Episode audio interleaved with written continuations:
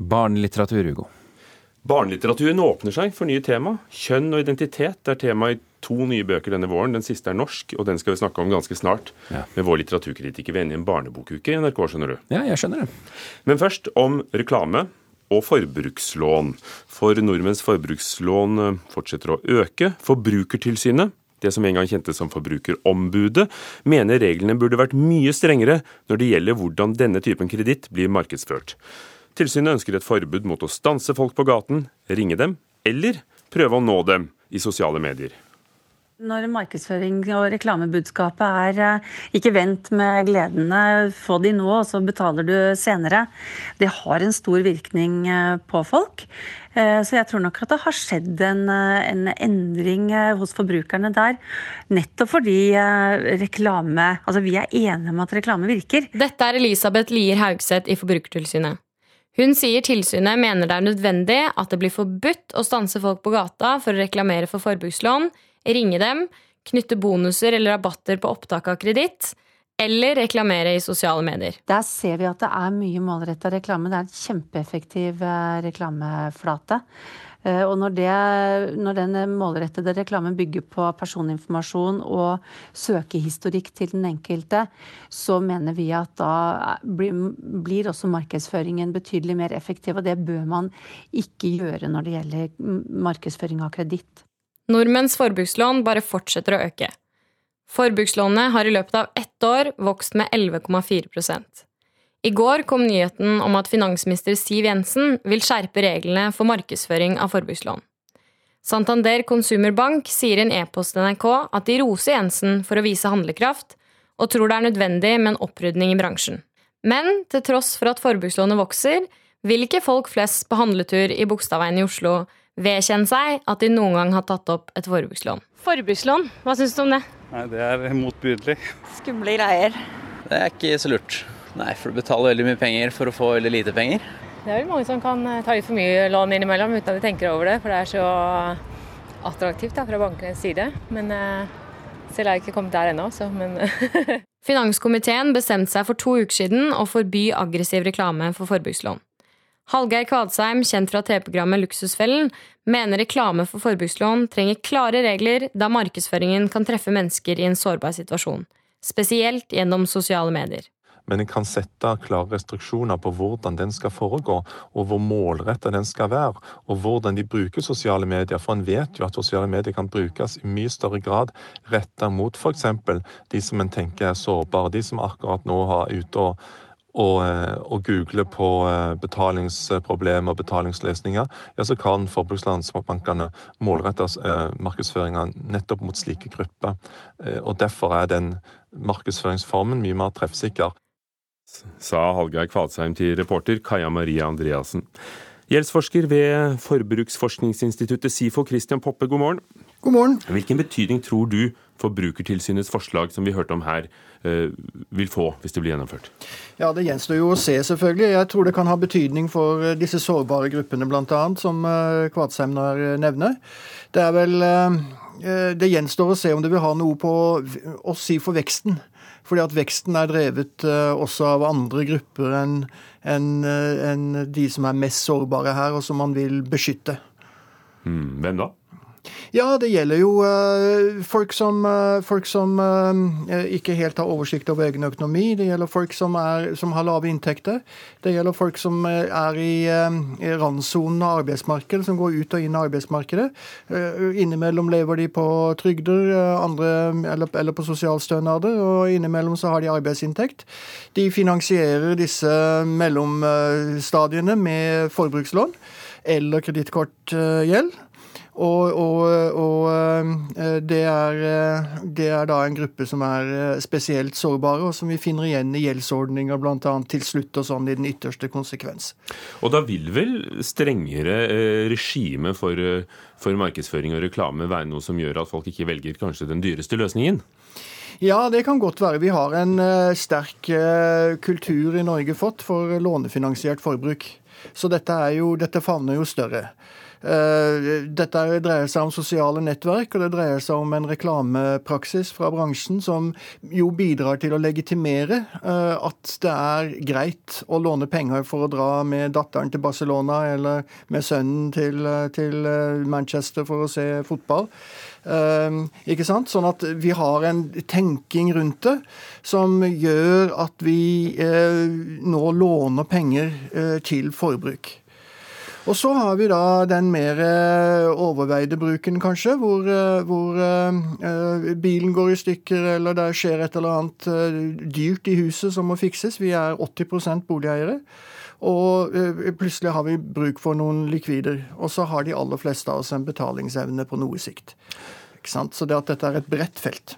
Samtidig så har vi et strengere regime enn i mange andre land for, for kortsiktig forbruksgjeld i Norge. I, I, Sverige har det i hvert fall vært lov å ta opp lån bare ved å svare på en SMS. Det har ikke gått an i Norge. Altså, Hvor går den grensen, mener du som gjeldsforsker, på, på hvor mye et lovlig produkt skal kunne markedsføres?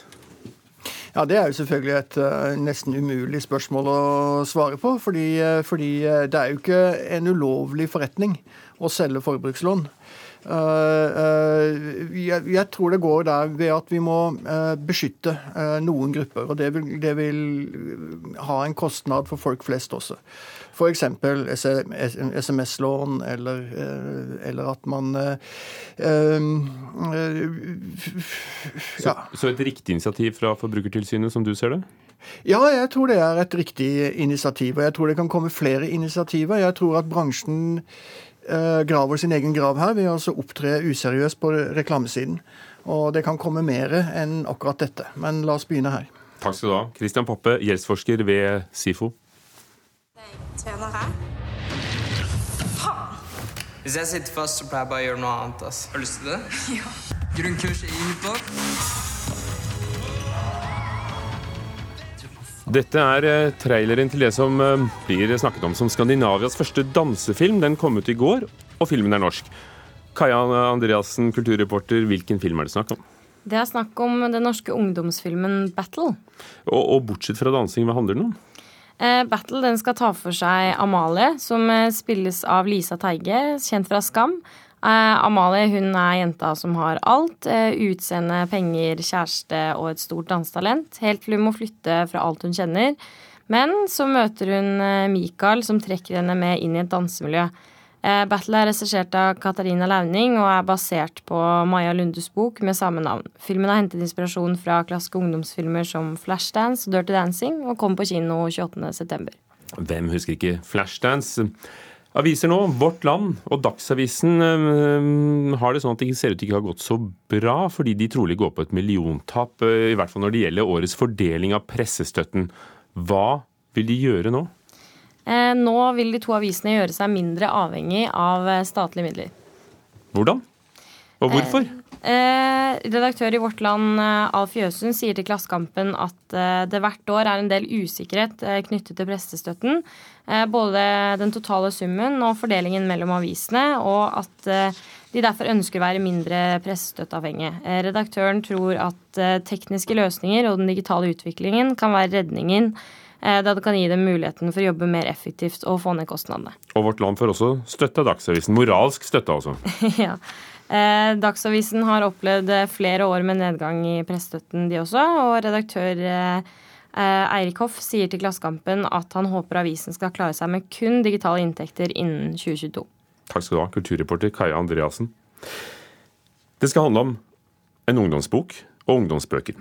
Tidligere i vår kom det en eh, ungdomsroman oversatt fra svensk som har en hovedperson som beskrives som hen gjennom hele boken. Og nå kommer eh, norske Line Bergstuen med det som vel er en barnebok, og som tar for seg det å være født i feil kropp. Anne Katrine Straume, litteraturkritiker her i NRK.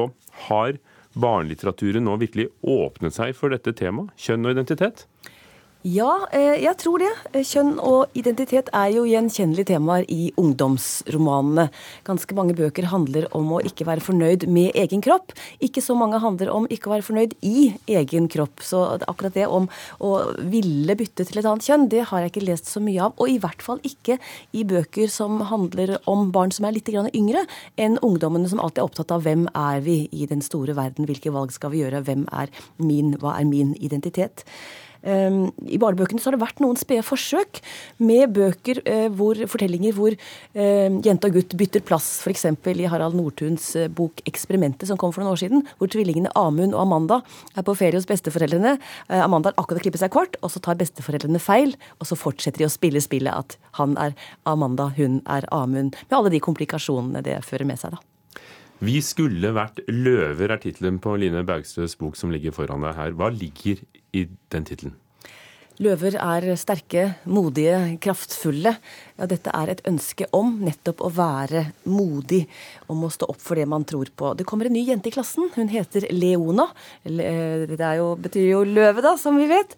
Malin har ikke så mange venner, vil gjerne bli venn med denne nye jenta som kommer. Men så er det noe mystisk med henne, fordi at hun, hun lyver f.eks. om bakgrunnen sin. Har ingen bilder, er ikke inne på sosiale medier. Hvorfor er hun ikke det? Så får vi en dramatisk situasjon i gymgarderoben, hvor eh, de mest populære jentene i klassen, som også er de mest ufyselige, sånn er det ofte i barnebøkene, eh, drar håndkleet av Leona, og så viser det seg da at Leona er født som gutt. Um, Malin skulle gjerne stått opp for sin venninne, men det tør hun ikke. Hun svikter når det gjelder. Uh, Leona blir utfrosset. Det blir en diskusjon med foreldre som kommer inn på banen. Eh, så noen mener at Leona må skifte skole. Dette er uhørt. Malin har heldigvis en fornuftig mor som støtter Leona fullt ut, og sier at det er godt at hun har deg som venninne. Hvor Malin da må på en måte gå beskjemmet i seg selv, tenke at hun har ikke stått opp for denne venninnen, hun har sveket henne. Men hun bestemmer seg da for å ikke være en kujon. Og barnebok som det er, så kan vi vel si at de to blir venninner etter hvert. Hmm. Hvorfor er det en god bok? For det det har jeg skjønt at du mener at den er? Ja, jeg syns det er en god bok fordi den snakker om viktige ting som ikke snakkes så ofte om. Og i hvert fall ikke da i barnebøkene. Og det at et eh, menneske som er før puberteten, eh, har bestemt seg så definitivt for å foreta en sånn kjønnskorrigering, det eh, er jo også noe som barn godt kan diskutere, som de kan vite om. Boken handler jo mye om Malins valg, det at hun skal tørre å stå for det hun mener. Så like mye som som kjønn, så handler det om det å være venner og det å tørre å stå for det du tror på. Og det å, å være annerledes kan handle om mye også. Hvem passer den for, og, og hvor gamle lesere passer den for? Eh, jeg ser forlaget har skrevet 9 pluss når de har lansert denne boken. Og disse elevene de går siste året på barneskolen, så definitivt er det ikke en ungdomsroman. For ungdommer er ikke så interessert i å lese om barn som er yngre enn dem selv. Eh, men det handler om ja, passer kanskje for, for mellom 9 og 12 år, da, vil jeg si. Vi skulle vært løver av Line Bergstø. Det er jo ikke tilfeldig at vi, vi, snakker om en barnebok i dag, fordi vi er midt inne i NRKs barnebokuke. Hvorfor har dere i NRK Super, eller dere i litteraturredaksjonen sammen med NRK Super, tatt barnebøkene ut av hyllene og lagt dem på nett og inn i radioen? Ja, Vi snakker jo om barnebøker generelt, men noen ganger så forsvinner det litt i den store sammenhengen. Og nå er vi like før sommerferien. Mange skoler har et prosjekt som heter Sommerles, hvor de da oppfordrer elever. Det er en liten sånn uh, uhøytidelig konkurranse hvor man skal låne og lese så mange bøker som mulig i løpet av ferieukene. Mange foreldre er på jakt etter bøker som barna kan lese i løpet av sommeren. Også bøker som man kan lese sammen. Jeg vil jo slå et slag for høytlesingen, selv om barna begynner å bli eldre, fordi det er så mye fint. Da kan man nettopp snakke også om temaer som ikke alltid er så lette å, å, å diskutere når man leser høyt. Så, så uh, både barn og voksne er på jakt etter bøker. Vi har da både anbefalingslister med ulike temaer, vi har anmeldelser, reportasjer, og nå mot slutten av uken kommer det også en quiz for oss litt eldre om hva slags bøker vi husker fra da vi vokste opp. Smart det, å, å finne en bok om det temaet du ikke tør ta opp eh, hjemme, kanskje, og heller lese den høyt. Og så kommer man i gang. Hvor følger vi med på Barnebokuken? Det er reportasjer hele uken gjennom i Studio 2 på P2. Åpen bok, som er litteraturprogrammet vårt, skal også snakke om eh, bøker hele uken. Og på NRK Super kan man følge med både ved nyhetene på Super og Skolefri på fredag. Takk skal du ha, Anne Katrine Straume asurblå bølger lot jeg mitt legeme gli. Dette er umiskjennelig Lalla Karlsen, og hun hadde et av Norges mest spennende kunstnerhjem, sier Riksantikvaren. Derfor har han fredet Sveitservillaen som Lalla og Karsten Karlsen kjøpte i 1930. Den ligger nå midt på Briskeby, midt i Oslo. Den gangen var det en forstad. Og ikke minst er dette et av de best bevarte trehusene i den delen av byen, fordi Barne-TV-dronning Vibeke Sæther med mann, som også da er eh, etterkommer av Lalla Karlsen, eh, Vibeke altså, har tatt så godt vare på Villa Grogro. Det var Kulturnytt her i Nyhetsmorgen, som fortsetter frem til klokken ni. Nå er den halv, og det er Dagsnytt.